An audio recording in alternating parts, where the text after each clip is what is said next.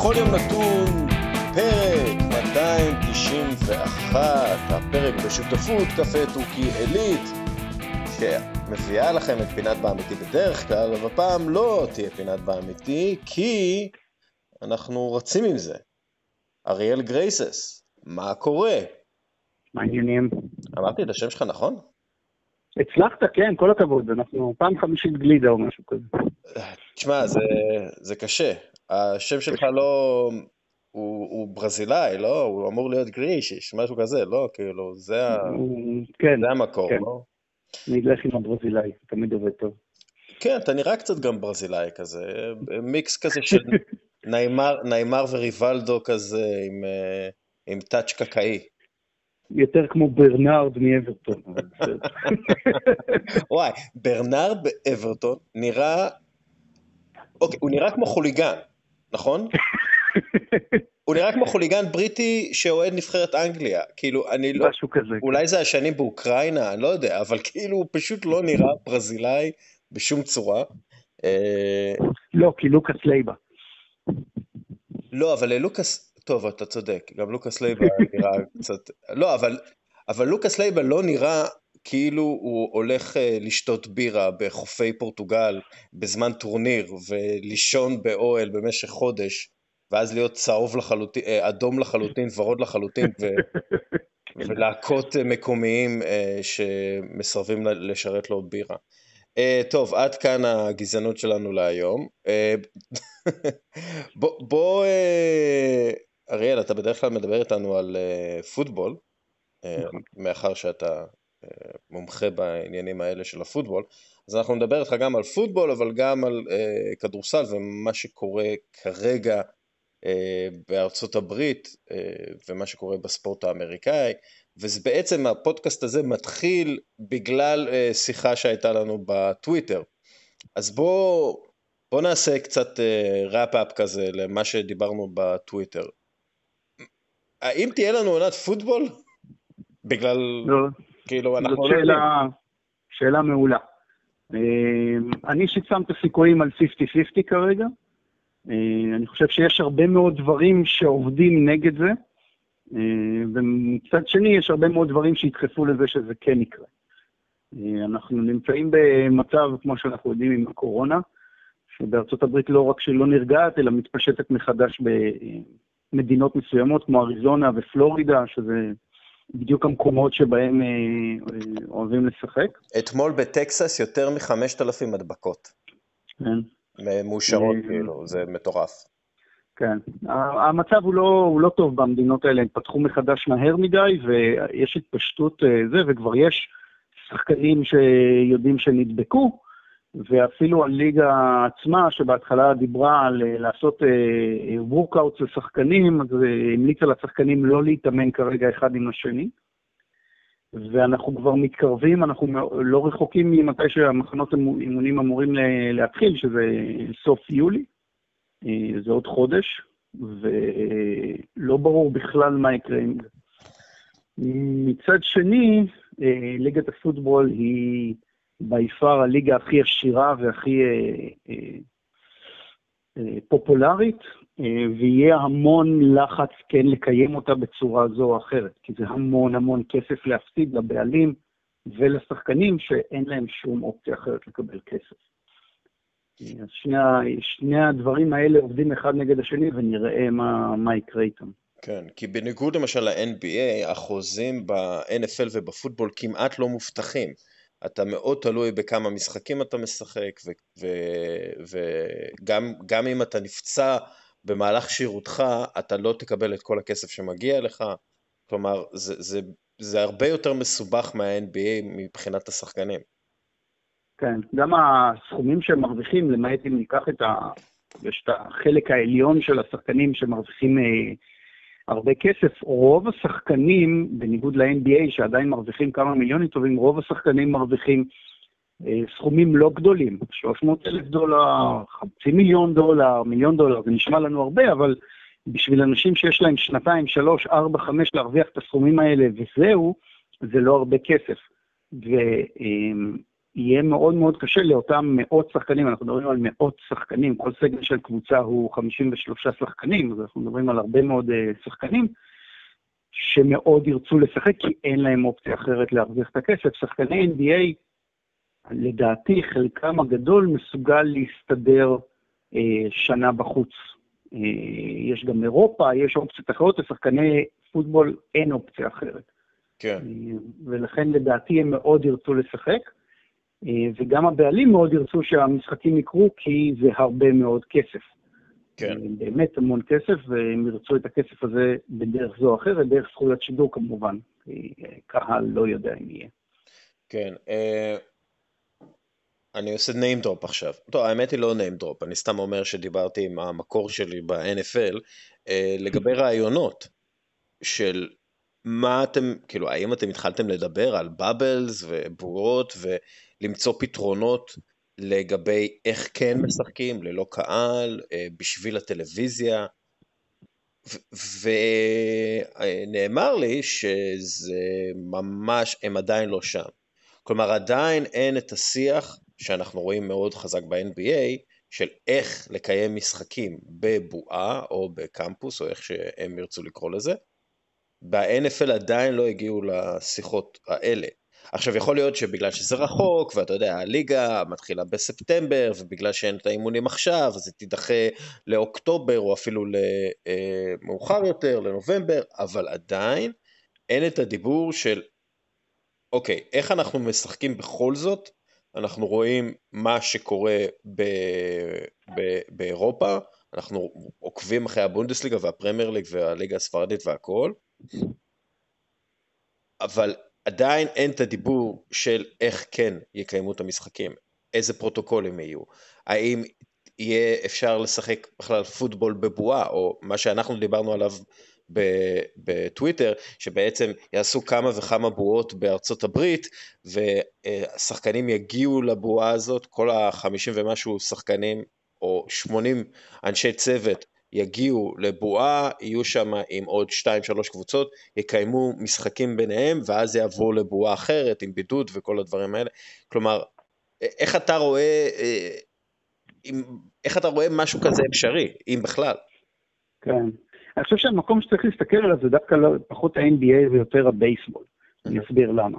ה-NBA כרגע לא מדברים על עונה הבאה, הם כרגע מדברים על להשלים את העונה הזאת, וזה אה, כמות מצומצמת של קבוצות וכמות מצומצמת של משחקים, זה אותן אה, קבוצות שאמורות לשחק אחת נגד השנייה בפלייאוף, אה, אז זה יחסית, יחסית פשוט, גם קבוצת NBA היא לא הרבה מאוד שחקנים, מדובר על 14 שחקנים בקבוצה, ברוסטר זה לא הרבה.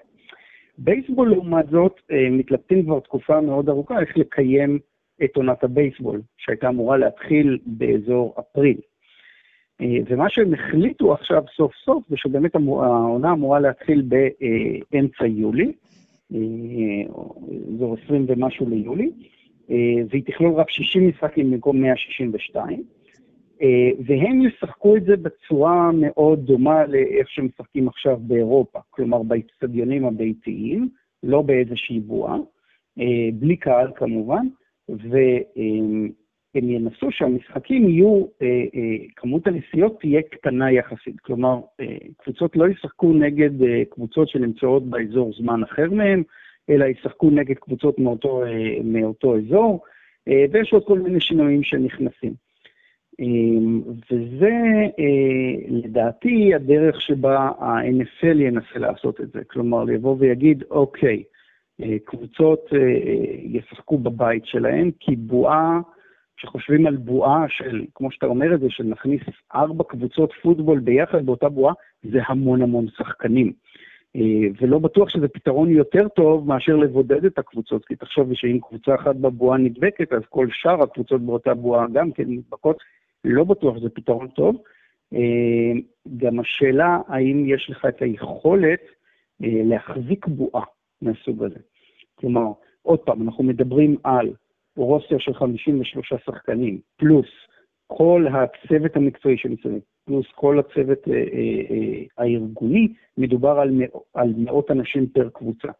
עכשיו, האם אנחנו מסוגלים במשך חמישה חודשים להחזיק את החבר'ה האלה בתוך בועה בלי שהם ייצרו קשר עם העולם החיצון, עם המשפחה שלהם, עם אה, בכלל לצאת וכולי?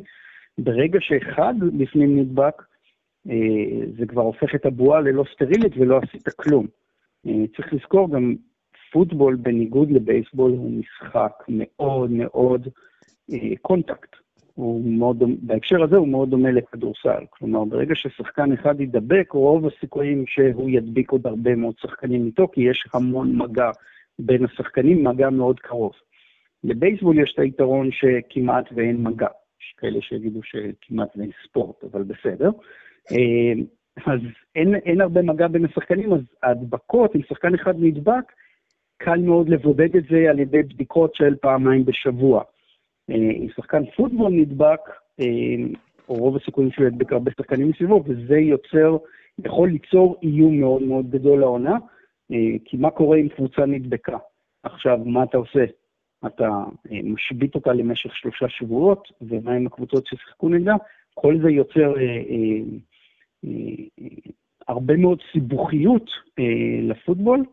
אה, אני מאמין שאם בכל זאת תהיה עונה, היא תהיה עונה מאוד מאוד מקוצרת, נניח במקום ה-16 משחקים הרגילים זה יהיה עונה של נניח שמונה משחקים, שבהם קבוצה תשחק רק נגד הקבוצות שבאזור שלה, אה, ואז יפחיתו את כמות הנסיעות למינימום ואת כמות המגע בין הקבוצות למינימום. ואז יעשו את הפלייאוף, ששם באמת נמצא הכסף הגדול. זה ההרגשה שלי, אבל אה, עוד חזון למועד, כמו שאמרת, הם באמת לא יודעים עדיין איך הם הולכים לעשות את זה.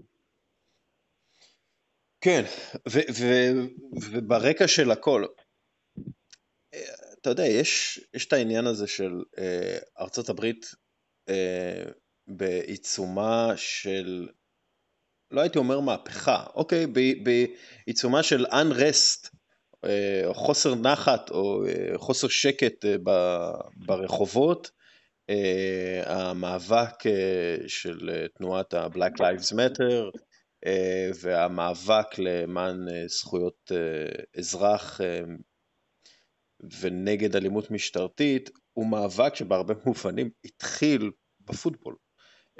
כמובן שהוא לא התחיל בפוטבול, אבל המאבק המודרני קיבל איזושהי דחיפה בפוטבול אה, אה, על ידי קולין קפרניק, שהוא בעצם אחד מהקולות הראשונים הבולטים מאוד בלב המיינסטרים האמריקאי, שאמר Black Lives Matter והתנגד והראה מחאה בפריים טיים.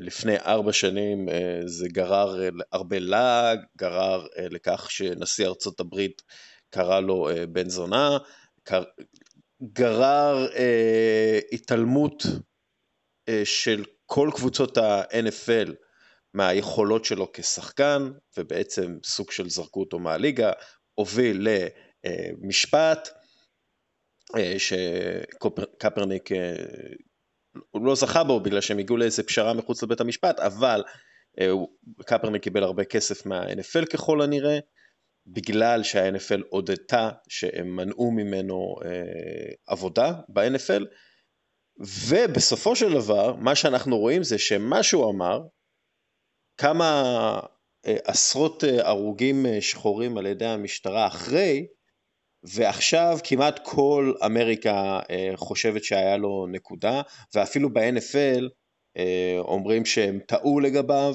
והם לא אומרים את השם שלו, כן, אבל הם אומרים שהם טעו לגבי ה-Black Lives Matter, והם מתנצלים אה, על כך, והם אה, עושים, אה, רוצים לעשות אה, כמה שיותר כדי לקדם את האג'נדה הזאת ו- וכל הדברים האלה. השאלה איפה, הפוטבול, איפה זה תופס את הפוטבול, כי את הכדורסל דיברנו על זה הרבה עם מעיין אפרת בשבוע שעבר, ואנחנו עוד נדבר על זה קצת עכשיו, אבל איפה זה תופס את הפוטבול? פוטבול שזה שוב, זה משחק גם שם, רוב שחור, אה, רוב אה, שחור מאוד ברוסטרים, רוב עצום בחדרי הנהלה לבן, אה, ובוא נגיד שהוא ענף הרבה יותר פופולרי במידווסט ובבייבל בלט מאשר כדורסל, איפה זה, איפה, מהשיח שאתה רואה, איפה זה תופס את, את הכדורגל, את, את הפוטבול, כל העניין הזה? כן, תשמע, זה, זה די מדהים לראות את מה שאנחנו רואים עכשיו לעומת מה שקרה באותה תקופה עם קפרניק. וגם האקט הזה של קריאת ברך של קפרניק, היא, היא, עכשיו רואים אותה בתור אה, אה, כמעט כאילו הוא חזה את, אה, את אותו הרג אה, או רצח של אה, ג'ורג' פלויד על ידי השוטר במנסוטה, שהרג אותו על ידי זה שהוא קרא ברך על הצוואר שלו. אה, ואז זה הפך להיות מובמנט עולמי. אנחנו רואים שחקנים בפרמייר ליג או בגרמניה קוראים ברך לפני משחק, והולכים עם חולצות שיש כתוב עליהן Black Lives Matter במקום השמות שלהם. זה מדהים איך משהו שלפני ארבע, חמש שנים היה אה, אה, מחוץ לקונצנזוס לגמרי, פתאום הופך להיות הקונצנזוס. ברמה כזאת שאם בעבר קבוצות נמנעו מכל מיני קפרניק כמו מאש, היום הם אה, אה, ירוצו להחתים אותו אם הן מסוגלות בשביל העניין השיווקי. אתה חושב? זו הסחורה הכי חמה שיש, לדעתי, כן. באמת? אוקיי, בסדר. כן, אני, אני, דרך אגב, במאמר מוסגר, אני חושב שמבחינתו, אני לא, אני לא אתן לו עצות, אבל אני חושב שמבחינת המאבק אולי עדיף לו לא לשחק יותר פוטבול ולא לחתום, כי אז יתמקדו ביכולות הפוטבול שלו, טובות או לא טובות, במקום אה, אה, במסר שהוא העביר. אבל נשאיר את זה בצד, כי באמת אני לא יכול לתת עצות לקולין קפרניק, אבל אני חושב שאם הוא היה היום רוצה למצוא קבוצה, הוא היה יכול להצליח בקלות. היום אנחנו שומעים מאמנים בסיאטל ובמקומות אחרים שאומרים, אנחנו עשינו טעות שלא החתמנו אותו אז. או היינו יכולים ולא חשבנו שהוא מתאים, אבל אולי כן, כולם יודעים שהוא התאים, זה פשוט היה עניין של אה, יחסי ציבור. ופה אנחנו מגיעים בדיוק לנקודה ש... שדיברת עליה, שהפוטבול הוא ספורט של אמריקה השמרנית יותר. אה, בניגוד ל-NBA, שהוא ספורט מאוד מאוד יחסית פונה לצעירים, אה, פונה ל... והוא מאוד אורבני. הכדורסל הוא מאוד עירוני, מאוד פופולרי. נכון, הוא מאוד אורבני, אה, הוא מאוד מתחבר לדור של ה millennials. הפוטבול, הצופים שלו הם גם יותר מבוגרים, גם אה, יותר שמרנים וגם יותר לבנים. אה, וכל זה הוביל לזה שקולין קפרניק הפך להיות מוקצה מבחינת הליגה, כי לא רצו לעצבן את הצופים השמרנים. וגם זה מוביל לזה שה... הליגה עצמה היא מאוד מאוד מחולקת בין הבעלים לבין השחקנים, שבעצם יש ביניהם הבדלי גזע ברורים. כל הבעלים בליגה הם לבנים, ו-90% מהשחקנים בליגה הם שחורים. עכשיו, זה נכון גם ל-NBA במידה רבה, אבל ה-NBA כבר שנים, אה, הדומיננטיות של השחקנים גדולה מאוד, יש שיגידו אפילו יותר גדולה מזאת של הבעלים. הבן אדם הכי חזק היום ב-NBA, אני לא חושב שיש ספק, זה לברון ג'ייטס, אוקיי? כן, הוא שולט והוא מכתיב. אין יותר חזק, כאילו, כשאתה מסתכל על היררכיה של קבוצת NBA, אין יותר חזק מאשר הסופרסטאר של הקבוצה הזאת. נכון. הוא, הוא קובע ו... מה יקרה.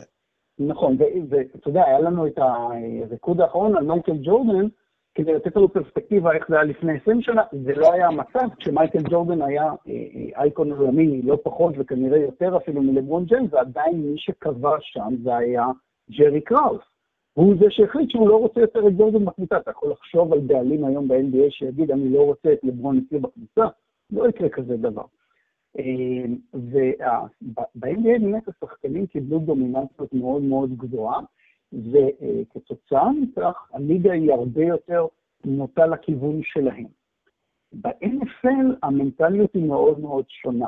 השחקנים, גם בגלל שיש הרבה מאוד מהם, גם בגלל הדבר הזה שדיברנו שאין להם אופציות אחרות, אה, ובגלל שהספורט הזה הוא ספורט של אמריקה השמרנית, אה, הדומיננטיות של השחקנים מאוד מאוד נמוכה, והבעלים הם אלה שמכתיבים את הכל. וגם ההסכמי שכר שנובעים מזה הם מאוד מאוד נוטים לבעלים. אה, אני כתבתי על זה בעבר ודיברנו על זה בעבר, איך אה, מה שקורה בליגה לפעמים מרגיש קצת כמו אה, מנטליות של אדונים ועבדים.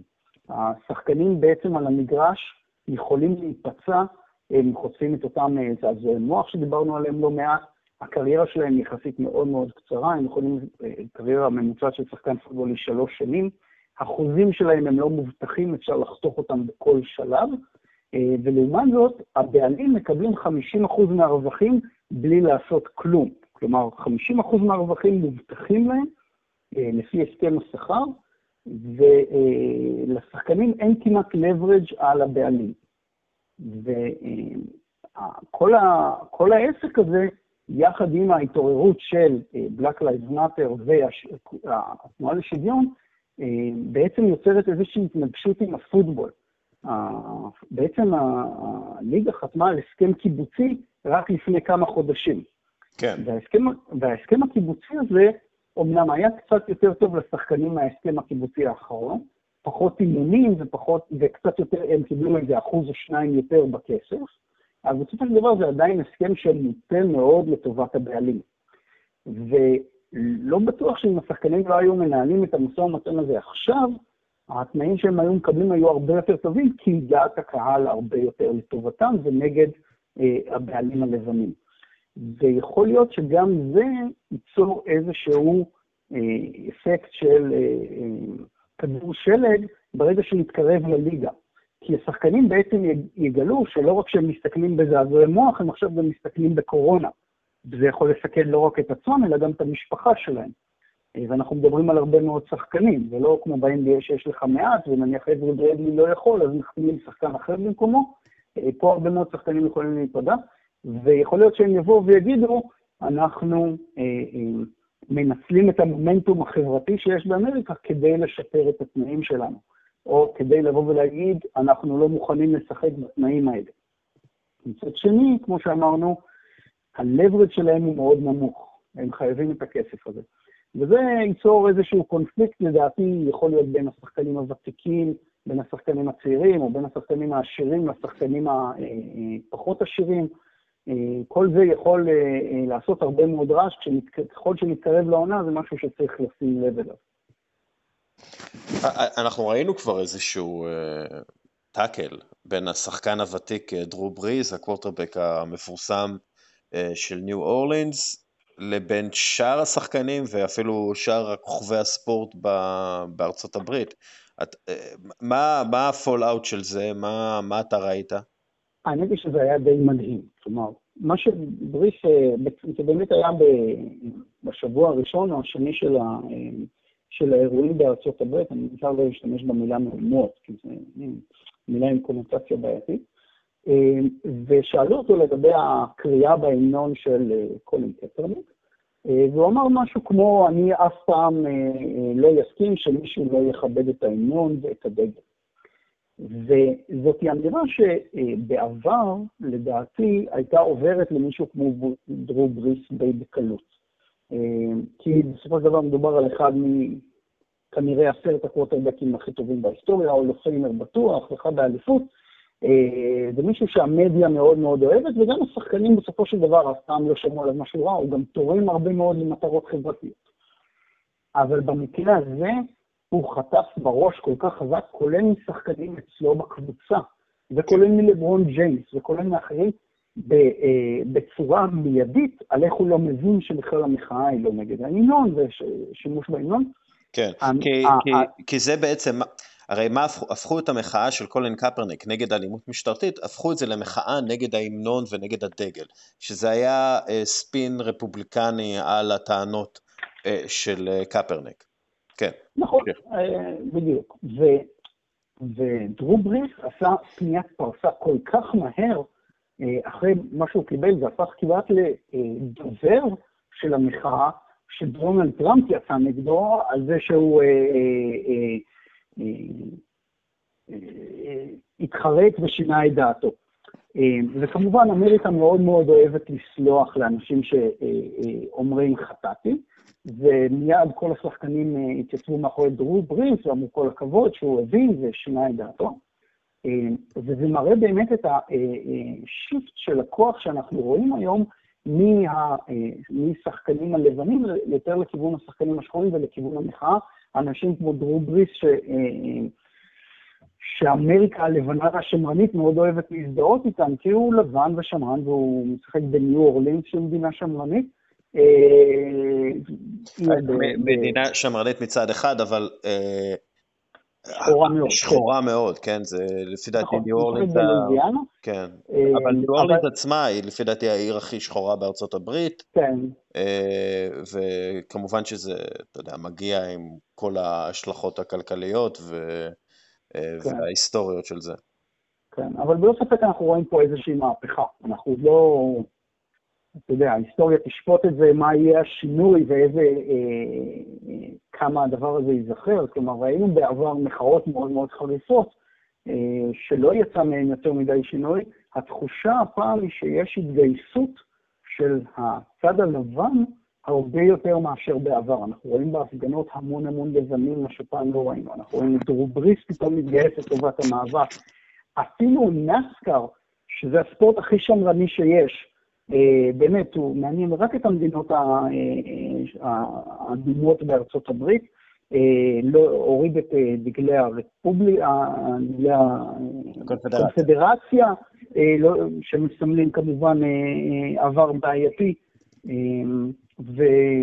והנהגים התייצבו מאחורי נהג שחור אה, שהיו איומים כלפיו. כלומר, אנחנו רואים שיפט מאוד מאוד גדול אה, בדרך שבה אמריקה הלבנה רואה את המחאה הזאת לעומת מחאות קודמות, וזה נכון גם ל-NFL, אה, ואת התוצאות של זה אנחנו נגלה בהמשך. קשה מאוד לדעת איך זה יהיה, כי בסופו של דבר יש פה מאזן כוח, אבל אני חושב שאנחנו נראה שינויים אה, די בקרוב בהקשר הזה. תום בריידי אמר משהו? אני לא שמעתי אותו אומר כלום, אבל תום בריידי כבר לא משחק בקבוצה שלי. אז- שילך להזדיין. אה, לא נגיד את זה ככה, אני עדיין אוהב את בריידי. אה, הוא עבר לטמפה ביי, אה, יחד עם גרונק, דרך אגב, שחזר מפרישה. אה, הוא ממשיך להתאמן, דרך אגב, בניגוד להנחיות או בקשות של הליגה של אה, להפסיק להתאמן, אה, הוא עדיין ממשיך להתאמן. אה, דרך אגב, אה, אני בחיפוש קצר באינטרנטים, ומגלים שהוא כן אמר שצריך criminal justice reform. אה, אוקיי. אמר את זה בהודעה כזאת, וואו, איזה הודעה ארוכה. ג'יזוס, תום, אין לך עבודה? אה, ופטריק מהומס, אה, שהוא כנראה הולך להיות הפנים של הליגה בשנים הקרובות, אה, הוא הצטרף ליוזמה של לברון אה, ג'יימס להגדלת, אה, להגדלת מספר המצביעים השחורים ומניעת דיכוי הצבעת השחורים, שזה אה, פרקטיקה שמשתמשים בה הרבה במדינות הדרום. דרך אגב, הפטריק מהומס הוא דוגמה לשינוי שהליגה גם תעבור מבחינת הפנים שלה. כלומר, אם הפנים של הליגה היו בעבר תום בריידי ופייטון מנינג ודרו בריס, אז עכשיו אנחנו מדברים יותר על למר ג'קסון ופטריק מהומס שהם אה, שחורים או חצי שחורים, אה, וזה לדעתי גם כן איזשהו שינוי שהאוהדים של הליגה יצטרכו לספוג, במרכאות שהליגה משתנה. אה, גם שחורים אה, הופכים להיות הפנים של הליגה, וזה טוב לליגה כי בסופו של דבר אה, אה, היא תהפוך ככה ליותר שוויונית ויותר אה, אה, פחות גזענית. אני לא רוצה להשתמש במילה גזענית, אבל בהחלט יש בה אה, אלמנטים מהסוג הזה. אה, דרך אגב, אמרת נסקר, אז אה, בבא וול, אה, וואלאס הוא הנהג השחור היחיד בסבב, והוא זכה לתמיכה אדירה בעקבות כמה גילויי גזענות כלפיו, בעיקר ברשתות החברתיות. אה, ה-FBI גילו שמצאו חבל אה, תלייה בגראז' שלו, אבל גילו שהחבל תלייה היה שם מקודם. כן, ראיתי את זה הבוקר, כן, וזה היה- קצת מביך כל העסק. כן. כן, אבל בכל מקרה הוא זכה לתמיכה מאוד uh, גדולה, כי לא היה צריך את החבל תלייה בשביל uh, לראות את השנאה כלפיו uh, מצד uh, לבנים, uh, uh, שהם הרוב הגדול של אוהדי הספורט הזה, נסקר. Um, ונסקר, הארגון עצמו, גם תמך בבאבא ווילס ברמת ה... לא- להוריד את דגלי הקונפדרציה משלטים, להוריד את דגלי הקונפדרציה ממכוניות, ולא לאפשר אה, לאוהדים לנפנף בדגלי הקונפדרציה. לא שזה עכשיו רלוונטי, כי אין אוהדים, אבל אסור יהיה להכניס למתחמי נסקר דגלי קונפדרציה, אז כאילו הנסקר עשו במעט מאוד זמן משהו שב-NFL לא עשו, והם עשו את זה, נסקר עשו את זה לנהג אחד שחור ועוד כמה חברי צוות שהם לא בהכרח לבנים, עשו את זה עבורם כחלק מהרוח החדשה שיש בארצות הברית כרגע, וב-NFL עדיין לא כל כך נכנסו לזה. יותר מזה, אם ב-NBA באופן אקטיבי מנסים לייצר גיוון בחדרי ההנהלה ומדברים על זה, וזה שיח אה, מאוד ברור ב-NBA, ויש uh, קציני גיוון, כאילו diversity officers וכל מיני כאלה, ב-NFL עדיין אין את הדיבור הזה. כלומר, זה, זה, לא, זה לא, אני לא ראיתי לפחות משהו ש... לא, האמת היא שה-NFL מנסה כבר שנים באמצעות, החוק, באמצעות חוק רוני להכניס אה, אה, מאמנים שחורים לליגה. יש חוק שקיים כבר, כן. כבר כמה עשרות שנים, שכל קבוצה חייבת לראיין מועמד אה, אחד לפחות אה, מקבוצת אה, מיעוט, אה, אבל החוק הזה לא ממש עשה את העבודה שלו. כלומר, יש היום לדעתי משהו כמו שלושה, ארבעה, חמישה מאמנים שחורים בליגה, לא יותר, ו... והם עדיין מתקשים. היה אפילו הצעה בפגרה האחרונה שלא התקבלה, לתת לקבוצה שסוחרת מאמן שחור, לתת לה עוד בחירת דראפט, או עדיפות בבחירות הדראפט. אה, כמובן שההצעה הזאת עוררה הרבה מאוד אה, רעש. מצד שני הצדדים, דרך אגב, אף אחד לא, כאילו, הצעה מוזרה, אבל כן, שיפ, כן אה, שיפרו קצת את חוק רוני, אני חושב שעכשיו חייבים לראיין שני מועמדים מקבוצות מיעוט, והיה עוד כל מיני שינויים שאני כבר לא, לא זוכר. כלומר, הליגה יודעת שיש לה בעיה בהקשר הזה, בהקשר של הבעלים, היא לא עושה, ואני לא יודע אם תעשה כלום, סך הכל אה, להיות בעלים של קבוצת ספורט באמריקה זה מועדון מאוד מאוד סגור, שמאוד מאוד קשה להיכנס אליו. בגלל שהערך של אה, קבוצות ספורט כל הזמן צומח, אף בעלים לא שש לוותר על הקבוצת ספורט שלו. אה, וקורים מעט מאוד מקרים שבהם בעלים מוכר את הקבוצה שלו, ראינו, היה את הבעלים של קרוליינה שלא מזמן מכר בגלל איזשהו... אה, אה, תרבות קלוקלת של, תרבות, של הארגון. כן, ש, שם זה היה יותר בהקשר של מיטו, שגם כן עשה מהפכה מאוד גדולה.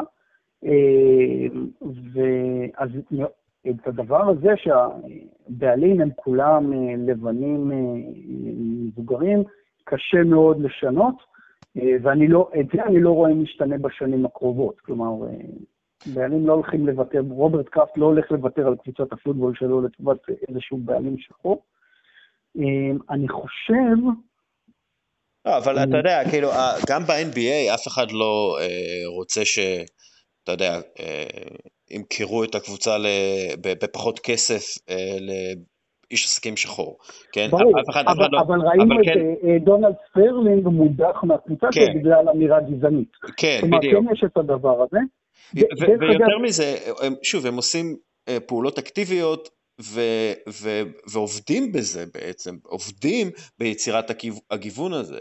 אה, הם כן רוצים שיהיה יותר general manager ים אה, שחורים, שיהיה יותר נשיאים לענייני כדורסל שהם שחורים. תראה, נכון. למשל, למשל גולדן סטייט ווריורס, זה ארגון uh, שנמצא בלב ליבה של, uh, של תעשיית ההייטק האמריקאית, uh, המנהלים הכי בכירים שם אה, בארגון, הם הרוויחו מלא כסף בהייטק, והם מגיעים, והם הכי ליברליים והכי דמוקרטיים, ותורמים להילרי קלינטון ומה לא, ובסוף אתה מגיע, ואני הייתי שם בהשתלמות וראיתי את זה, אתה מגיע ואתה רואה ישיבת אה, הנהלה בלי אף פרצוף שחור. כן. אה, וזו בעיה. זו בעיה, למה זו בעיה? בגלל שאתה קודם כל זה בעיה עסקית שלך, כי אתה לא מקבל את הקול האחר. כולם שם Ivy League, ובאמת החבר'ה הכי חכמים בעולם, וההוא סיים בייל, וההוא בהרווארד, וההוא עבד uh, שנים בסוכנות uh, ספורט, אבל אתה לא מקבל קול שאין לך, וזה הקול השחור בהנהלה. והם, הם, אגב, הם מודעים לזה באיזשהו מקום, והם כאילו עכשיו מחפשים לגוון וזה, אבל זה עדיין, זו בעיה שקיימת בגולדן סטייט ובכל מקום אחר. כלומר, יש פה בעיה רצינית, זה לא סתם שהספורטאים האמריקאים, ובעיקר הכדורסלנים האמריקאים, אומרים, חבר'ה, סבבה שאתם רוצים לקיים ליגה באורלנדו, אבל בואו תראו מה אנחנו רוצים. וחלק מהדברים שאנחנו רוצים זה הגיוון הזה בחדרי ההנהלה. זה הקול שלנו בחדרי ההנהלה, הקול שלנו, כלומר השחורים. כן. וזה משהו ש... שוב, אני לא חושב שיש שיח על זה בכלל ב-NFL, לא ממה שאני ראיתי לפחות. כן, אין, ואני חושב, שמעתי לא מזמן איזה פודקאסט שמעיין אפרת כמובן החליטה אותי אליו, והם אמרו שם נקודה מאוד נכונה. זה נכון ששחקנים שחורים הם היום מיליונרים. והרבה מאוד לבנים מסתכלים על זה ואומרים, מה אתם רוצים? תראו את השחקנים האלה, הם מיליונרים, זה לא שהם מרוויחים יותר ממנו. אבל הם עדיין בסופו של דבר שכירים. כלומר, הסטטוס שלהם הוא עדיין במצב של שכיר, ולא במצב של בעלים. ועד שהדבר הזה לא ישתנה, אנחנו לא נראה אה, שינוי אמיתי. עכשיו, אני מסתכל, ההבדל בין ידיעה לבין אה, אה, מעשים הוא עצום. אה, בדיוק דיברנו על זה אתמול, ביל סימונס, שהוא אולי איש התקשורת, הספורט הכי בולט בארצות הברית, יש לו פודקאסט מאוד מאוד מצליח שנמכר לספוטיפיי ב-250 מיליון, הוא הקים את The Ringer, והוא באמת אחד מהאנשים היותר פרוגרסיביים בעולם התקשורת. לפני שלושה שבועות אה, בפודקאסט עם ריין עושה, הוא טפח לעצמו על השכם, או טפחו לו על השכם על זה שהוא מעסיק שחורים ועל זה שהוא אה, אה, מתקדם, ובאמת באמת הוא עושה את זה. ואז פתאום קפצה, אה, אה, בעצם באו ואומרים העובדים שלו, תשמע, אולי לא כל כך. יש לך יחסית מעט אה, אה, עובדים שחורים אצלך בחברה. כן, הם ביחס בדיוק של השחורים אה, אה, בארצות הברית, אבל למה רק ביחס הזה ולא יותר? אין הרבה אורחים שחורים, הדרת שחורים מתוך פודקאסטים, אה, אפילו על סדרות של שחורים כמו אטלנטה. כל הדברים האלה הם משהו שסימונס בכלל לא שם לב אליהם. כלומר, הוא כל הזמן חושב שהוא פרוגרסיבי. עכשיו, זה לא עליו, ככה אנחנו מתנהלים, כשאנחנו נמצאים ב... במקום שבו אנחנו אה, אה, הרוב, אנחנו, אה, אנחנו לא רואים את הדברים האלה כמעט, אנחנו יודעים שהם צריכים לקרות, אבל בין זה לבין לעשות מעשה ובצורה אה, אקטיבית ללכת ולהכניס מיעוטים לתוך ההנהלה, לתוך, ה, אה, אה, לתוך המקומות המשפיעים, זה הדבר שעדיין לא קורה. בטח ובטח ב-NFL, גם ב-NBA זה קורה לאט, כמו שאמרת, אפילו בגולדן סטייט, הם יודעים את זה, אבל ללכת ובאופן אקטיבי לעשות את זה, זה צעד שקורה לאט-לאט, אמ, ולדעתי הוא יתחיל לקרות יותר ויותר נכון, כי יש הרבה רעש תקשורתי. וכשיש רעש תקשורתי, אז הדברים קורים, ובעיקר כשזה פוגע לאנשים בכיס. אה, ארה"ב בסוף מתנהלת עם כסף. כן. גם כל קפרניק נכנס אה, אה, לקונצנזוס מתי זה קרה? לפני אה, שנה או שנתיים, כשנייקי פתאום הכניסה אותו לתוך הפרסומות אה, אה, שלה, וראתה שהיא מרוויחה מזה מלא כסף. כן, אגב, נייקי, היו פוליטיקאים שמרנים שטענו שהפרסומת הזאת של נייקי עם קולין קפרניק היא פיגוע נגד אמריקה. זה, זה, היה, זה היה הדיבור על זה. כלומר, יש, יש איזשהו קרע מאוד גדול באמריקה, וקרע שיש פוליטיקאים, כולל הנשיא דונלד טראמפ, שמנסה לפתוח ולייצר איתו אה, תמיכה מאוד, אה, מאוד נגיד ברורה של, אני, אני אגיד את זה שוב, יש פוליטיקאים כמו דונלד טראמפ שמנסים אה, לא לאחות את הקרע הזה, אלא לפתוח את הקרע הזה בגלל שזה עוזר להם מבחינה פוליטית במובן של התבצרות ה base אה, שלהם בדעות הנחרצות שלו וב, ובהתלהבות שלו מנציגו, נציגיו הפוליטיים, כולל אני, אני, אני מסכים, אני חושב שדווקא בהקשר הזה יכול להיות, עוד פעם, ההיסטוריה תשפוט את זה, שדונלד טראמפ יהיה החרב ציפיות של אמריקה השמרנית. מה הכוונה? כשאובמה היה בשלטון והיו מהומות, אז התגובה של הלבנים השמרנים הייתה, מה אתם רוצים? יש לכם נשיא שחור. וגם הייתה איזושהי התכנסות פנימה, איום. כלומר, שחורים מאיימים עלינו, הנה, תראו אותם, כן. בכל מקום עכשיו. כן. לעומת זאת, היום המצב הוא בדיוק הפוך.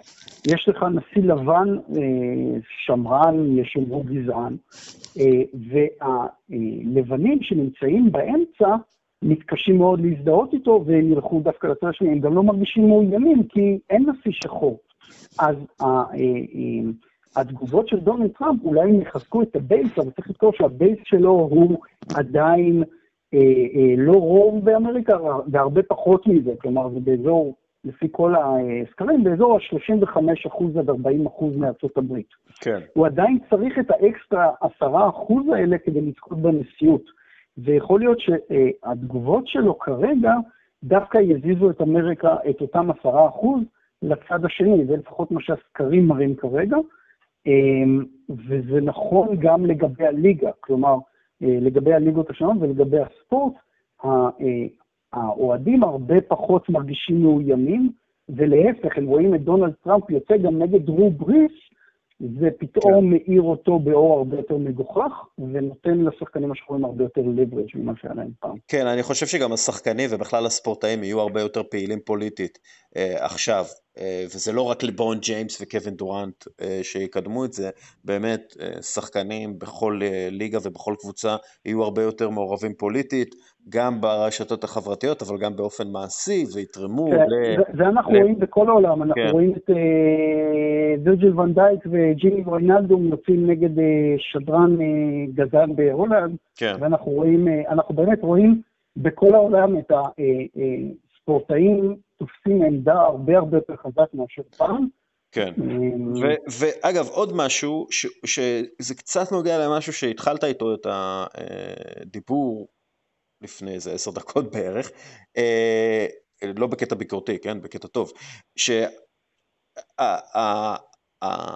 שהשחורים הביקורתיים מסתכלים על הספורטאים השחורים, שהם אה, רוב שחור ב rosters של הקבוצות אבל מיעוט בהנהלה, אה, זה למשל צ'יילדיש גמבינו או דונלד, דונלד גובר, גובר, גרובר, איך קוראים לו? גלובר. גלובר, כן.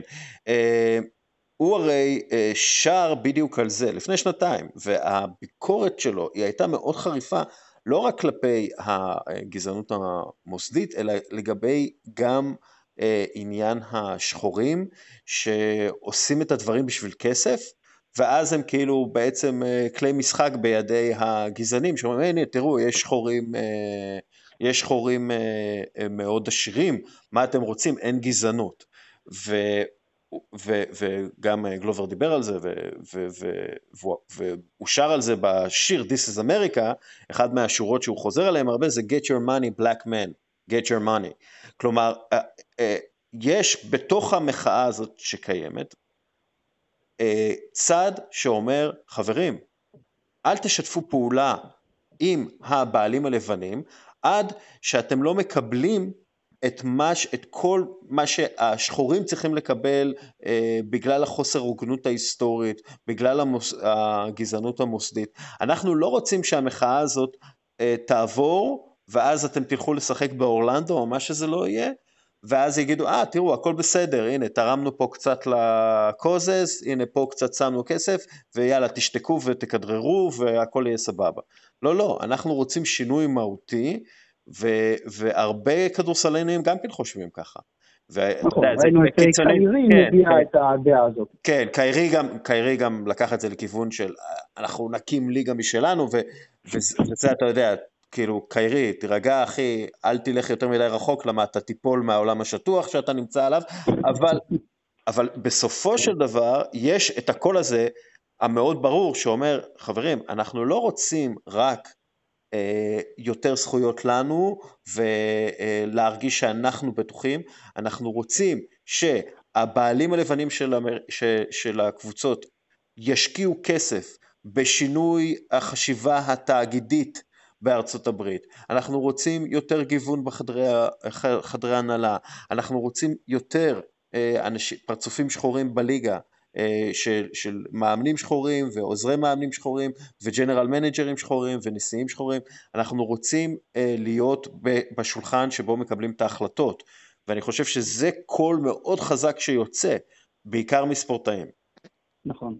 אני, דרך אגב, אני חושב שלברון נמצא איפשהו בין הפטיש לסדן פה. כלומר, אני חושב שהוא מאוד מאוד היה מזדהה עם הדבר הזה, רק יש בעיה אחת קטנה, השנה יש לו את הסיכוי הכי טוב על אותה אליפות רביעית שעשויה, אתה יודע, אה, אה, לשים אותו, אה, אני לא יודע אם במקום של ג'ורדן, אבל באמת בנקודה אחרת, אתה יודע, סמנט לגאסי, כמו שהאמריקאים אוהבים להגיד.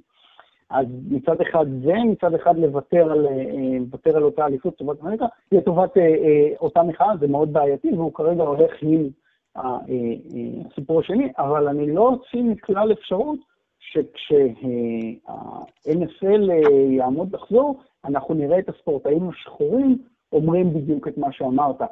תשמעו, זה לא מספיק טוב לנו המצב הזה כרגע. לא יכול להיות שאנחנו אה, אה, גלדיאטורים על המגרש בשביל שהבעלים הלבנים ירוויחו כסף, בזמן שאמריקה אה, השחורה נאנקת תחת המגף. הקצנתי את זה, אבל... כן, כן, כן, זה, לא, אבל זה מובן.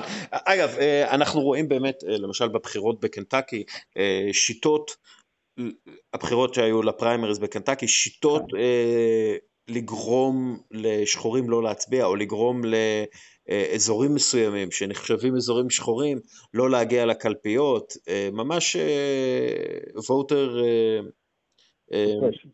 oppression, כן, ממש ניסיון למנוע מאנשים להצביע, כן, זה משהו שקורה היסטורית. אמריקה היא מומחית בזה, אני, כן. אני, אני לא מומחה לפוליטיקה אמריקאית, בטח לא כמו מעיין, אבל אה, את הקטע שאסירים לא יכולים להצביע, כשאנחנו יודעים שארבע חמישיות מהאסירים הם שחורים. לא בכל המדינות, אבל בחלק מהמדינות אה, אסירים לא יכולים להצביע, ואסירים משוחררים בפלורידה, לדוגמה, אה, לא יכלו להצביע בבחירות האחרונות. יש כל הנושא של ג'רי מנדרים, שמסדרים את האזורים ככה ש... לרפובליקנים יהיה יתרון. יש עוד המון דרכים שבהם אמריקה הלבנה או אמריקה השמרנית מנסה לדכא את הקול השחור.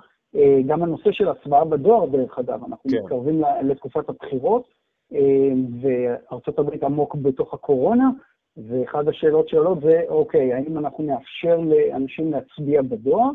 אה, כשהרפובליקנים מאוד מאוד נגד, כי היסטורית זה הולך לכיוון הדמוקרטי. לא בטוח, דרך אגב, שזה נכון, אבל זה מה שהם מכירים. כן. ואנחנו ראינו שמהקורונה רוב מי שנפגעו היו המיעוטים, השחורים מתו, מתים באחוזים הרבה יותר גדולים מהחלק היחסי שלהם באוכלוסייה, מן הסתם הם אלה שיפחדו הכי הרבה לבוא לקלפיות ולהיחשף לקורונה. אז שוב, זה עוד דרך שבה אמריקה הלבנה מנסה אה, להשפיע, ולדעתי הספורטאי, ככל שנתקרב לבחירות, אנחנו, אה, שזה בנובמבר, אנחנו נראה יותר ויותר, אה, אה, לדעתי, ספורטאים שמנסים להשפיע על הפוליטיקה, לכו להצביע, שתנו לשחורים את הכוח שלהם להשפיע וכולי וכולי. ואני חושב גם שלברון ג'יימס עם התנועה הזאת שהוא מקים, או העמותה הזאת שהוא מקים, שמטרתה היא להבליט את הניסיונות הדחקת או דיכוי ההצבעה בקרב השחורים,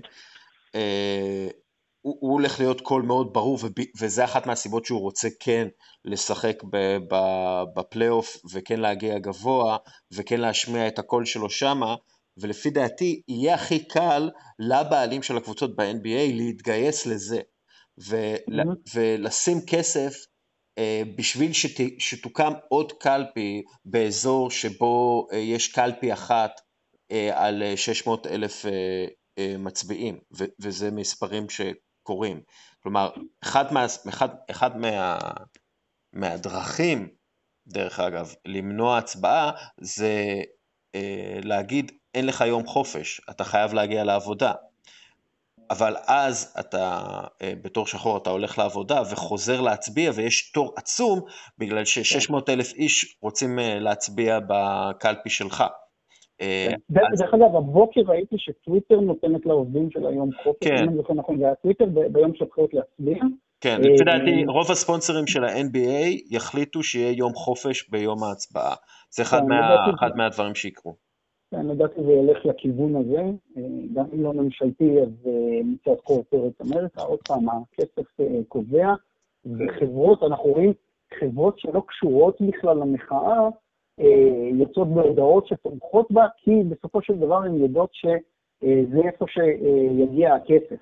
הן כבר לא יכולות להיות גזעניות, הן לא יכולות אפילו להראות איזשהו מראית עין שעשויה להתפרש כגזענית, אמ, ולדעתי כל העסק הזה ילך לשם על מנת אה, לצאת טוב בדעת הקהל, אה, שזה מעניין, כי רק לפני כלום זמן היינו במצב שבו דעת הקהל ניסו להחמיא לה בדיוק להפך, על זה שלא לקחו את קולין קפר. כן. אה, אז היום יחסי ציבור טובים ולתמוך בזה. בוא, בוא שנייה נדבר קצת על ה-NBA, אייברי ברדלי מלוס אנג'לס לייקרס, שהוא שחקן חשוב בלוס אנג'לס לייקרס העונה, אמר שהוא לא יגיע לאורלנדו, הוא היה אחד ממובילי המחאה אה, הפנימית נגד החלטות אה, איגוד השחקנים לגבי החזרה כן, אבל, אבל במקרה שלו זה כן. יותר עניין של בריאות, כי הבן שלו בסיכון גבוה. כן, כן. הוא, הוא אמר שהוא יישאר עם המשפחה שלו כל התקופה הזאת, והבן שלו אה, בסיכון גבוה.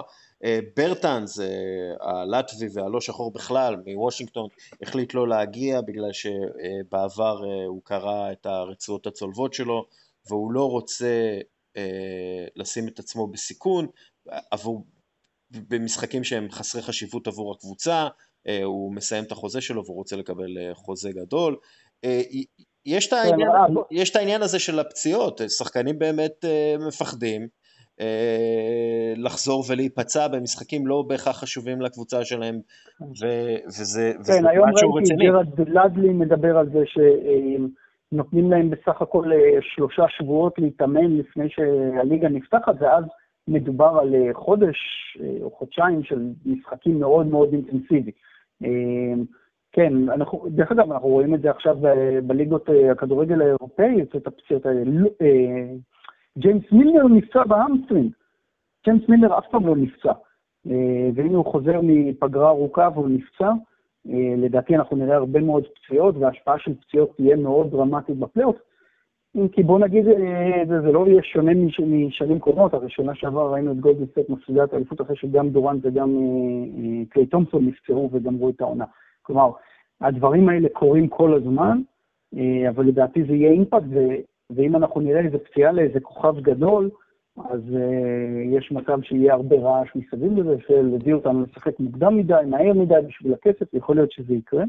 תראה, הם, הם מקבלים עכשיו, כביכול הם מקבלים עכשיו יותר זמן אה, להתאמן ולחזור לכושר מאשר הם היו מקבלים אה, בעונה, בכאילו קמפ אה, רגיל. כמובן, זה נכון, אבל, ש, אבל ההבדל לא... הגדול זה שיש פה מנוחה מאוד מאוד ארוכה. כן, כן, זה, זה, זה העניין. אגב, אני לא חושב שהמנוחה הזאת אה, גרועה בהכרח אה, לשחקנים, או תגדיל את הסיכון אה, לפציעה, אני חושב ההפך, עבור הרבה מהשחקנים האלה שלא נחו הרבה זמן, אה, המנוחה הזאת תעשה דווקא טוב. אה, גם אני חושב, אם יש מישהו שזה טוב בשבילו זה לברון. כן. עם העומס שהוא צבר בשנים האחרונות, הוא יוכל לחזור ולשחק לך 40 דקות ללילה. זה יהיה מעולה ללייקרס, קצת פחות מעולה למי שלא אוהד את הלייקרס כמונו. הלייקרס יימח שמם, פפוי. יימח כן, שמם, כן. כן. שמע, האמת היא שאני מאוד קרוב, כי אני מאוד מחבב את לברון ג'יימס, והייתי שמח לראות אותו לוקח אליפות רביעית, אבל למה במדעי הלייקרס?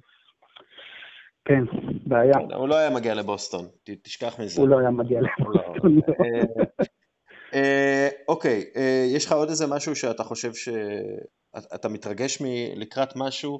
נגיד איזה משהו שהולך לקרות באנגליה בקרוב, הקבוצה שלך? אני דופק, עדיין דופק על עץ, כי אתה יודע, בליברפול 30 שנה חיכינו, ובסוף באה הקורונה, ולך תדע מה יקרה עכשיו. כן, אני מחכה, מחכה בקוצר רוח שליברפול תיקח את האליפות, אני מאוד מקווה שזה יהיה בקרוב, כדי שלא יתחיל איזשהו גלגל ואוהדים ממורמרים, אתה יודע, נניח לא מנצחים את קריסטל פלאס היום, ואז יש מפגש עם סיטי שבוע הבא ומפסידים בו, ופתאום אוהדים של ליברפול, אתה יודע, הם רק רואים את הצוק ומחפשים לקפוץ ממנו. אז אה, בואו נקווה שזה יקרה, זה יהיה... זה לא יהיה האליפות שקיוויתי שהיא תהיה. אה, זה לקח, אתה יודע, בלי אוהדים ביציעים אה, ובלי חגיגות שאחרי, ולהמתנה מאוד ארוכה, ובאנגליה מתו 40 פלוס אלף איש, זה לא, אתה יודע, זה לא הקתרזיס שציפיתי לו אחרי 30 שנה, אבל we will take it. נעבור את זה, ואתה יודע, יש NBA אוטוטו ביולי, גם הבייסבול חוזר ביולי, ונראה מה יהיה עם הפוטבול. כן, וואי, הבייסבול זה סיפור... זה לא סיפור טוב. הבייסבול זה הזיה. כן. כלומר, שם בניגוד לפוטבול, שהבעלים יפסידו המון כסף אם לא יהיה עונה, בייסבול המצב הוא בדיוק הפוך, מאוד מוזר. בייסבול אין לך תקרת שכר, יש הרבה מאוד בעלים שמפסידים כסף. כן. אה, ולהם היה אינטרס לשחק כמה שפחות משחקים, כי משחקים בלי קהל הם מפסידים עליהם כסף, והם רצו כמה שפחות משחקים. אז מה הם עשו? הם במשך כמה חודשים טובות, טובים, נתנו הצעות לשחקנים שידעו מראש שהשחקנים לא יקבלו אותם. הם נתנו הצעות עם כל מיני הפחתות אה, אה, שכר מטורפות, הזויות, שיקבלו 20% מהשכר ודברים כאלה, שהם ידעו שהשחקנים ידחו אותם, וככה הם דחו את זה עוד ועוד עד שהם הגיעו למצב שבו נשחק רק 60 משחקים, שזה שליש עונה, וההפסדים שלהם יצומצמו למינימום, והם יוכלו להרוויח חזרה את הכסף דרך הפלייאוף, שבו הכסף הגדול. אה, הבייסבול אה, לאט לאט מאבד את המקום שלו בתוך הקונצנזוס האמריקאי, ובגלל קוצר ראות של כל המעורבים שם, במיוחד הבעלים וההנהלה, הוא אה, רק עושה לעצמו שירות רע. תחשוב שהוא היה יכול להיות הספורט היחיד באמריקה שהוא משוחק, כי בקיץ משחקים רק בייסבול, כן. ובמקום זה הוא פספס את ההזדמנות, ועכשיו הוא יצטרך להתחרות בכדורסל ואולי בפוטבול. אה, פשוט, אה, תקשיב, שגם ככה המשחק הזה היום הוא המשחק שהממוצע גיל של הצופים בו הוא הכי מבוגר שיש. כן. כלומר, משחק שמאוד מאוד לא פונה לצעירים, הוא איטי, הם מנסים לשנות את זה, אבל זה לאט מדי ומאוחר מדי. וכל הדברים האלה גורמים לזה שבייסבול הופך להיות פחות פחות מרכזי, יכול להיות שאנחנו ממש נראה אה, תנועה מבייסבול לכדורגל, לדעתי אנחנו כבר רואים אותה היום, ויכול להיות שאנחנו נראה יותר ויותר בשנים. ובוא נחזור לכדורגל, תגיד, אתה באמת דואג שליברפול לא תזכה באליפות? לא, לא, אני, אני דואג, אה, אתה יודע, שיקרה איזה התפרצות הרגעה שתכסה את אנגליה או משהו כזה. כאילו, זה יכול לקרות, לא זה יכול לקרות. תשמע, אנחנו צריכים חמש נקודות ב... כמה נשארו? שמונה משחקים. אמ, זה לא יקרה, כאילו, לא, אנחנו נשיג אותם, אבל לך תדע, התפרצות של, אני יודע, שחקן, תאר לעצמך ששחקן בליברפול נדבק בקורונה, ואז כל הקבוצה מקבלת ומשמיטים את הליגה מחדש. זה ליברפול, הכל יכול לקרות, אני לא פוסל את זה. אה, מאוד יכול לקרות שכאילו פשוט חזירים יתחילו לעופף, כי זה 2020, ואז כל מי שאמר ליברפול תזכה באליפות כשחזירים אה, יעופפו, אה, אז אה, הוא יראה שאכן, זה מה שקרה. ואגב, אני לא פוסל את האפשרות הזאת שחזרים אה, יתעופפו. זה באמת משהו שאני לא פוסל, כי באמת, הכל יכול לקרות ב-2020. כולל, כן. כולל האליפות של ליברפול. אנחנו בקושי באמצע שלה. כן, טוב, תודה. על, על מה שנקרא, ב, באווירה הזאת, הנעימה הזאת, אנחנו נסיים כאן. אריאל, איפה מוצאים אותך? אה, מוצאים אותי מדי פעם ב"דה באזר", זה נכון, לא כך כתבתי, כי לא היה על מה, אני מקווה שעכשיו יחזור הספורט לכתוב יותר. אני כותב במוסף כלכליסט, אה, אני נמצא בטוויטר, יש לי ספר שכתבתי ויצא לפני אה, כחצי שנה וניתן למצוא אותו, נקרא מזה פנים. זהו פחות או יותר. ואתה כותב ספר חדש, לא? או לי? אני עובד על זה, לא- אנחנו לא מדברים על זה מטעמי נחס. הבנתי. כשליברפול תזכה באליפות. כן, בדיוק. טוב, אה, תודה רבה, הייתה שיחה ממש מעניינת, ואנחנו אה, נעשה זאת שוב אה, בקרוב, כשאנחנו נדע בדיוק מה קורה עם ה-NFL. אם בכלל תהיה ליגה, או ארצות הברית עד אז. אז יאללה, אז אנחנו נדבר. תודה רבה, תודה רבה. תודה, ביי. איתנו על הקו מאיר עזרא מעמותת מחוסגן. אמ, דוקטור מאיר עזרא הוא רופא ילדים והוא אה, יוזם בעצם תנועה אה, לכך שכל הגנים יהיו מחוסנים, אה, וכלומר כל הילדים בגנים יהיו מחוסנים למחלות הנוראיות שיש בעולם היום, ויש למאיר מה להגיד בהקשר של נובק ג'וקוביץ', המחבט מספר אחת בעולם ומעשיו לאחרונה. אה, אז קודם כל, אה, מאיר, שלום. ו- שלום. ומה, ומה בדיוק זה מחוסגן, או מח, מחוסגן, כן? זה, זה ככה... מחוסגן הוא פרויקט, פרויקט בן שנתיים בעצם, שהתחלנו באופן, אה, היום אנחנו עמותה, אבל התחלנו באופן מאוד, מאוד מינורי במטבח פה, שפשוט רצינו לעשות איזשהו פיילוט ולראות האם אנחנו יכולים לייצר מצב שבו גן מקבל סטטוס שבו אנחנו כהורים יודעים את המצב החיסוני של כל הילדים, ויכולים להכריז עליו כגן ששומר על תוכנית החיסונים המומלצת של משרד הבריאות. כשירות להורים, לדעת שהם שולחים את הילד שלהם לסביבה מוגנת מבחינה חיסונית. זה לא רק מבחינה חיסונית, היום בימי קורונה אנחנו מתעסקים בהרבה יותר תשובות לגננות אה, באשר לקורונה, מה אפשר, מה מותר, מה אסור, אה, אבל הרעיון הוא שאנחנו הצמדנו רופא מלווה לכל גן, שהוא בעצם מלווה את הגן מבחינה רפואית, בודק את הסטטוס החיסוני של הילדים, אם יש הססני חיסונים, שתכף נדבר על זה, בהקשר שאתה רצית לדבר עליו, הרופא המתנדב שלנו מדבר איתם, ואנחנו מגיעים להצלחות מאוד מאוד יפות, שב-80 עד 90 אחוז מהמקרים שאנחנו מדברים עם מורים הססנים, אנחנו מצליחים לשכנע אותם לחסן את הילד בתוכנית המומלצת, ולא לוותר על חיסון כזה או אחר או בכלל. וזה בעצם הרציונל, גם לתת להורים מענה, לילדים לסביבה בטוחה, וגם אה, לנסות להגיע במגע אה, ישיר, אה, בלתי אמצעי, להורה הססן, ולתת לו עובדות במקום סרטוני יוטיוב, שהוא חשוף אליהם ברשת. אתם לא עושים סרטוני יוטיוב, עדיין. לא, לא, אני חושב שרפואה ועצות בריאותיות לילדים לא לוקחים סרטוני יוטיוב. למה לא? למה לא לוקחים מסרטוני יוטיוב עצות רפואיות לילדים? מעולה.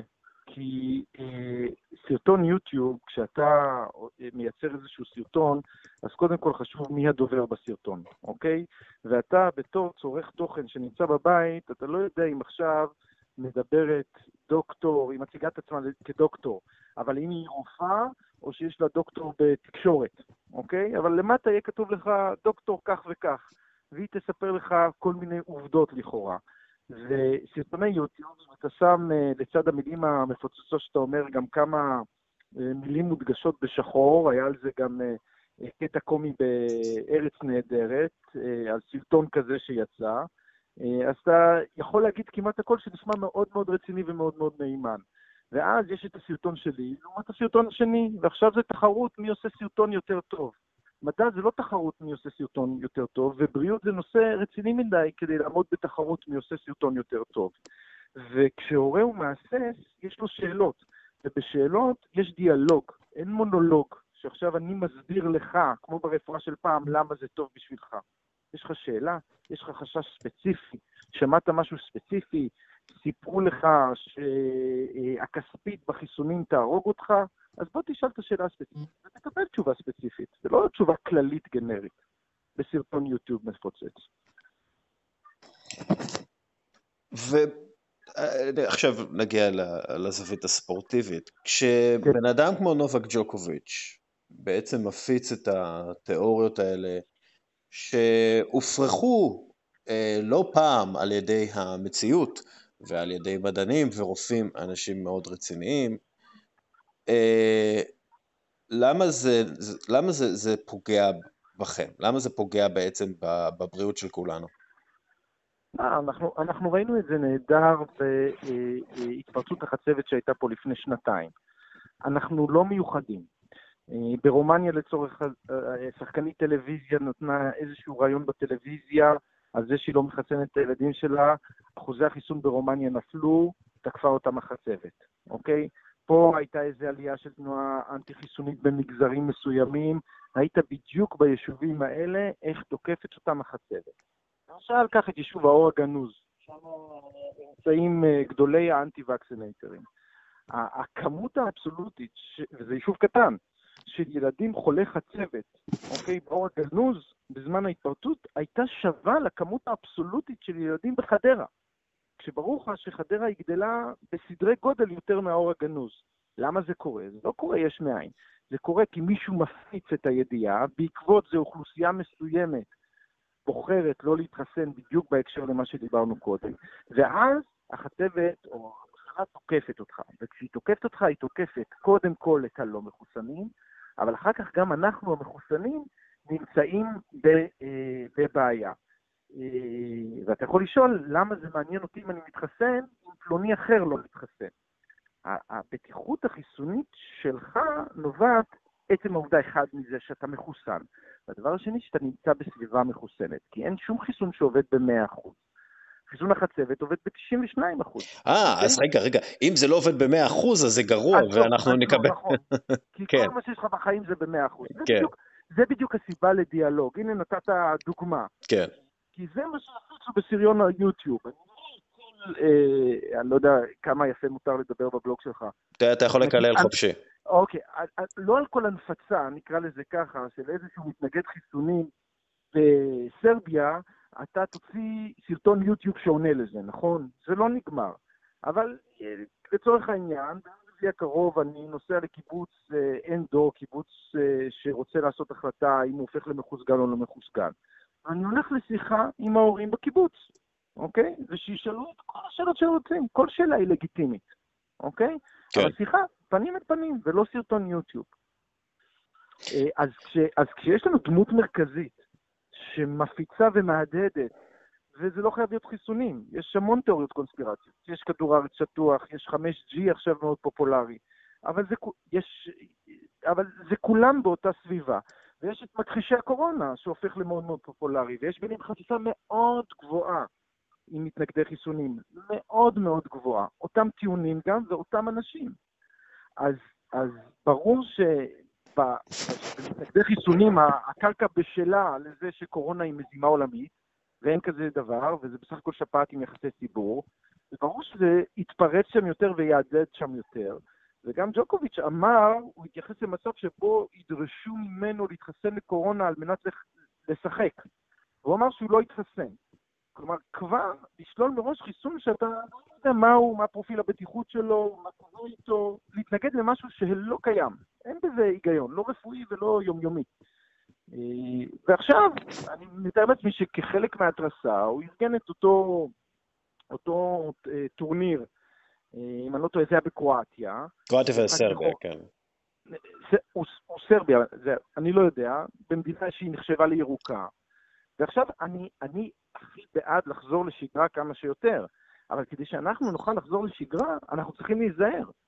אה, כדי שנוכל לעשות טורנירי טניס, הרי איזה ספורט טוב לו יותר לחזור מהר יותר לשגרה מטניס, אוקיי? אני לא יכול לדמיין ספורט אחד ששני השחקנים כל כך רחוקים אחד מהשני.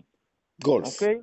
ושזה ספורט של שחקן מול שחקן, זה לא ספורט אה, קבוצתי. גולף, בסדר, לקחתי. אה, אה, אין ספורט מתאים יותר לטניס מחזרה, או לפחות בין הראשונים. אבל אז מצופה שתשמור מסביב, לא תעשה מסיבות המוניות, תשמור שהקהל הוא במרחק אחד מהשני, שהקהל חובש מסכות, אבל כשאתה עושה את הכל בהתרסה, אוקיי? ולא שומר על כללים מינימליים, אתה בעצם פוגע במטרה שלשמה באת. הרי מה, מה הוא ניסה להגיד? בואו, אנחנו רוצים לחזור לשחק טניס. אבל בגלל שהוא אומר את זה במקביל ל... קורונה לא קיימת, היא לא מסוכנת, אז הוא פוגע במטרה הראשונית, ועכשיו לא נוכל לחזור לשחק טניס, למרות שקרוב לוודאי זה מאוד מאוד אפשרי. אנחנו צריכים לחזור לשגרה, גם בספורט, זה חסר מאוד. אנחנו צריכים לחזור לשגרה תוך שאנחנו שומרים על כללים שאולי הם קצת פחות נעימים לנו, אבל הם חשובים, כדי שנוכל לשמור על הפרנסה של כולנו, לא רק כן, בספורט, אלא כן. בכלל. כל, כל ההיגיון שלהם זה, אה, זה אה, אין קורונה, זה מזויף, אבל יש קורונה, וזה ביל גייטס אחראי אליו. כאילו, זה ההיגיון. אתה מבין מה אני אומר? כן, יש, יש המון, לא, כן. מה שאני מנסה להגיד זה, זה משהו מאוד מאוד, אה, מאוד מאוד קוהרנטי דווקא בהתנגדות החיסונים. אה, אין לי בעיה כשמישהו מביא לי דבר שהוא לא הגיוני, כל עוד יש בו היגיון פנימי, אוקיי? כן. כלומר, אני יכול לא להסכים איתך שכדור הארץ שטוח, אבל שבטיעונים שלך לצורך העניין יהיה היגיון פנימי, שהם ייבנו אחד על פני השני. אני לא צריך היגיון חיצוני, מספיק שיהיה לי היגיון פנימי בטיעונים שלך שנוכל לנהל דיאלוג. הרבה פעמים במתנגדי חיסונים, במיוחד כשזה מגיע לתיאוריות קונספירציה, אז אפילו ההיגיון הפנימי של עצם הטיעון הוא חסר. כלומר, הוא לא כן. עובד במבחן לוגיקה פשוטה שהיא לא קשורה למציאות, אלא בעולם הלוגי הפשוט. וזה, אני לימדתי לוגיקה הרבה שנים, אז, אז קל לתקוף את זה מהבחינה הזאת הרבה, הרבה זמן. עם לוח וטוש זה קל. כן, דוקטור, זה מאוד קל. יש אה, אנטנות אה, G5, הן מפיצות קורונה, שזה וירוס שלא קיים. זה, זה, כן. והכל, על הכל אחראי ביל גייטס שרוצה להכניס לנו uh, צ'יפים לתוך האור בשביל, אני לא יודע למה, אני לא נכנסתי כל כך עמוק, אבל למה הוא רוצה לשים צ'יפים, אני לא יודע, הוא רוצה לשים צ'יפים. בוא, בוא, בוא... אבל אתה נופל באיפה שקל. אני... אם אני אגיע לשיחה הבאה בצורה הזאת, אני לא אקח אף אסיסטן לכיוון שלי. אני צריך לשאול את ההורה באמת ממה הוא. וקרוב לא. לוודאי שההורה שהוא לא מתנגד חיסונים, אלא הססן חיסונים, שזה לא אותו דבר, אתה מבין? כן. ג'וקוביץ' הוא מתנגד חיסונים. הוא כן. מפיץ את הפייק ניוז, אוקיי? הנפגע שלו הוא הססן החיסונים. כן. אוקיי? והוא אוכלוסיית היעד שלי, כי אותו, אפשר לקחת אותו ל... אני אוהב סטאר וורס, לצד המואר, אוקיי? זה, זה אפשרי, אוקיי? אבל זה לא ייעשה בעזרת הטיעונים ולגלוג. כמה שזה מדגדג בקצות האצבעות לפעמים, אוקיי?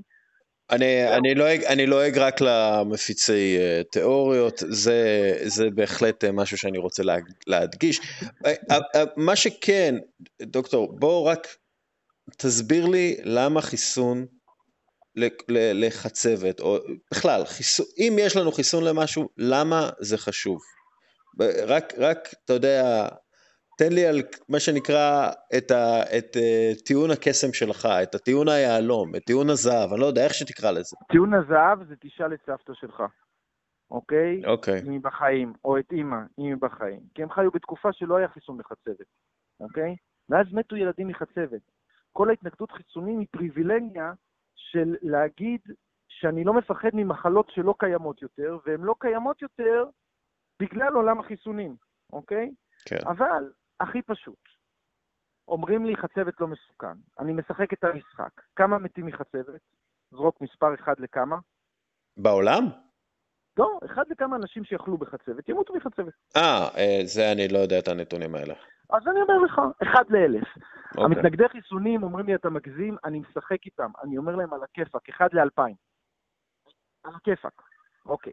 הם אומרים לי, אתה עוד פעם מגזים, אני אומר להם, בסדר, 1 ל-5,000, רק לצורך הטיעון. 1 ל-5,000, גם המתנגדי חיסונים מסכימים, אוקיי? אז אני אומר, מצוין.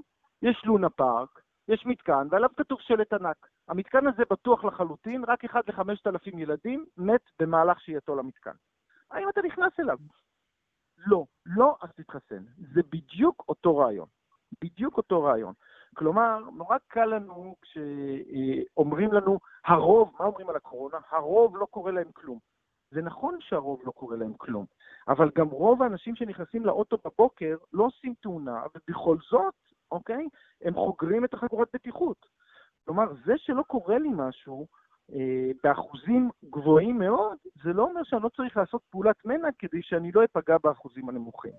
וזה כל הרעיון של חיסון.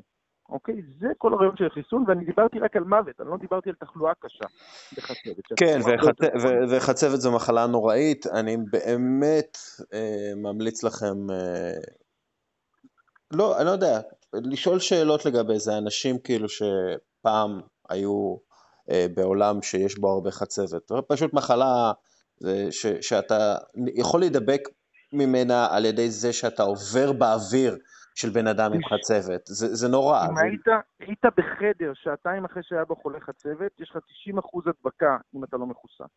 פשוט מטורף, ואנשים uh, לא מבינים את זה. Uh, לצערנו, אבל אני מקווה שיגיעו עד לכאן uh, ויאזינו לנו ויוכלו להגיד לחברים שלהם, היי, hey, יש את העמותה הזאת, uh, מחוסגן, uh, ובואו נעשה שלכולנו uh, יהיה חיסון למחלות הנוראיות האלה, ובוא נקווה גם שיהיה חיסון לקורונה, כי אז זה יאפשר, זה בעצם מה שיאפשר לנו לחזור לחיים מלאים, לטיסות, לעולם בלי בידודים ובלי אה, אה, ריחוק חברתי אה, כזה או אחר. אה, אז בואו בוא נקווה באמת שהאנשים הטובים אה, והמומחים הגדולים שעוסקים בזה אכן יגיעו לחיסון. אגב, מה אתה שומע לגבי החיסון אה, בקורונה? אני קורא פה ושם דברים בעלונים, ספקולציות. כן. אף אחד לא יודע, כי הוא צריך להיות גם יעיל וגם בטוח. כרגע אף אחד לא יודע. יהיה חיסון בסוף. האם הוא יהיה, אה, נמצא חיסון יעיל ובטוח בטווח של חצי שנה או בטווח של שלוש שנים? אני מציע לך לא להקשיב לאף אחד, כי כל כותרת שאתה רואה, יש מאחורי אינטרס. בינתיים אני מציע בדיוק ההפך. להתמקד באיך אנחנו חיים עם הקורונה בלי כן. חיסון, כן, אוקיי? זה מה שאנחנו צריכים לעשות עכשיו, וזה קל. זה קל. רק היום אני מסתובב בתל אביב ואני רואה פי שתיים יותר אנשים עם מסכות. למה מסתובבים פי שתיים יותר אנשים עם מסכות? כי אתמול היו 504 חולים, כן, אוקיי? אז אנשים התעוררו. הרעיון ברפואה מונעת זה לעשות את זה לפני, לא אחרי. כן, אוקיי? ולכן, לחזור, שטיפת ידיים, מסכות, ריחוק, עם זה הקורונה לא יודעת להתמודד. היא לא יודעת להתמודד ואנחנו יכולים לפתוח עסקים, לחיות את החיים, לפרנס, אוקיי? וריחוק פיזי, לא ריחוק חברתי, ושמירה על סבא וסבתא. כן. זה מה שחשוב. עד החיסון, זה מה שחשוב לעשות. אגב, גם אה, שמירה עליך. אה, הרבה אנשים צעירים אומרים, אה, מה יקרה לי? אבל מח- זה, למי שהיה קורונה, אה, הוא, הוא מרגיש את זה, והוא מרגיש את זה, יש לזה תופעות לוואי אה, שאנחנו עדיין לא יודעים את, אני את, ה, מסכים- את הכל. אני מסכים איתך לגמרי, אני מסכים איתך לגמרי, אבל בחיים שלנו אנחנו כל הזמן מנהלים סיכונים. כשאני יוצא מהבית אני מנהל סיכונים, אוקיי? אני יכול להישאר ספון בביצי, לקבל חולים רק באינטרנט, אוקיי? ולהגיד מסוכן מדי אני לא הולך למרפאה. גם אני מנהל את הסיכונים. יש לי שתי בנות בבית. אני מנהל את הסיכונים, אני לא מפסיק את החיים שלי. אני מנהל את הסיכונים שלי בצורה מושכלת וחכמה, אוקיי? מצד אחד לא בהיסטריה ובפחד, ומצד שני לא בשאננות. וזה מה שחשוב לעשות, כל אחד מאיתנו. בסדר גמור, הלוואי שיום יבוא ואנחנו נוכל לחזור למגרשי הוא הכדורגל. יבוא, הוא הוא יבוא, יבוא, הוא כן. יבוא. אה, אם יתגברו על השפעת הספרדית אחרי הרבה יותר אני הרוגים, מקווה שלא נתבגר עליה כן. באותה דרך. כן, בדיוק. אה, אם, אם, אם הצלחנו את זה, אנחנו נצליח גם נגד הקורונה. אנחנו אה, נצליח ביותר טוב. כן, אנחנו נצליח. רק העיקר, באמת, חברים, אל תקשיבו, אם זה ביוטיוב, זה לא אומר שזה נכון. הרבה דברים ביוטיוב, אוקיי? גם אם יש כתוביות ליד מי כן, שמדבר. כן, זה בסדר? לא, זה לא, בחייאת. ביוטיוב יש, יש המון סרטונים של NBA, תראו את זה, זה הרבה יותר טוב מאשר אה, דוקטור אה, שקר כלשהו אה, מקשקש על משהו. ספורט אני מרשה. ספורט כן, אני מרשה. ספורט, וגם זה, טוב. זה גם פחות, קשה לעשות פייק על ספורט, קשה. אה, טוב, דוקטור, תודה רבה. אני. אני אתייג את כל מה שצריך, את כל הארגון שלכם. תודה רבה על השיחה, נהדר, נהדר. ויאללה ביי. תודה, ביי ביי. יום טוב, ביי ביי.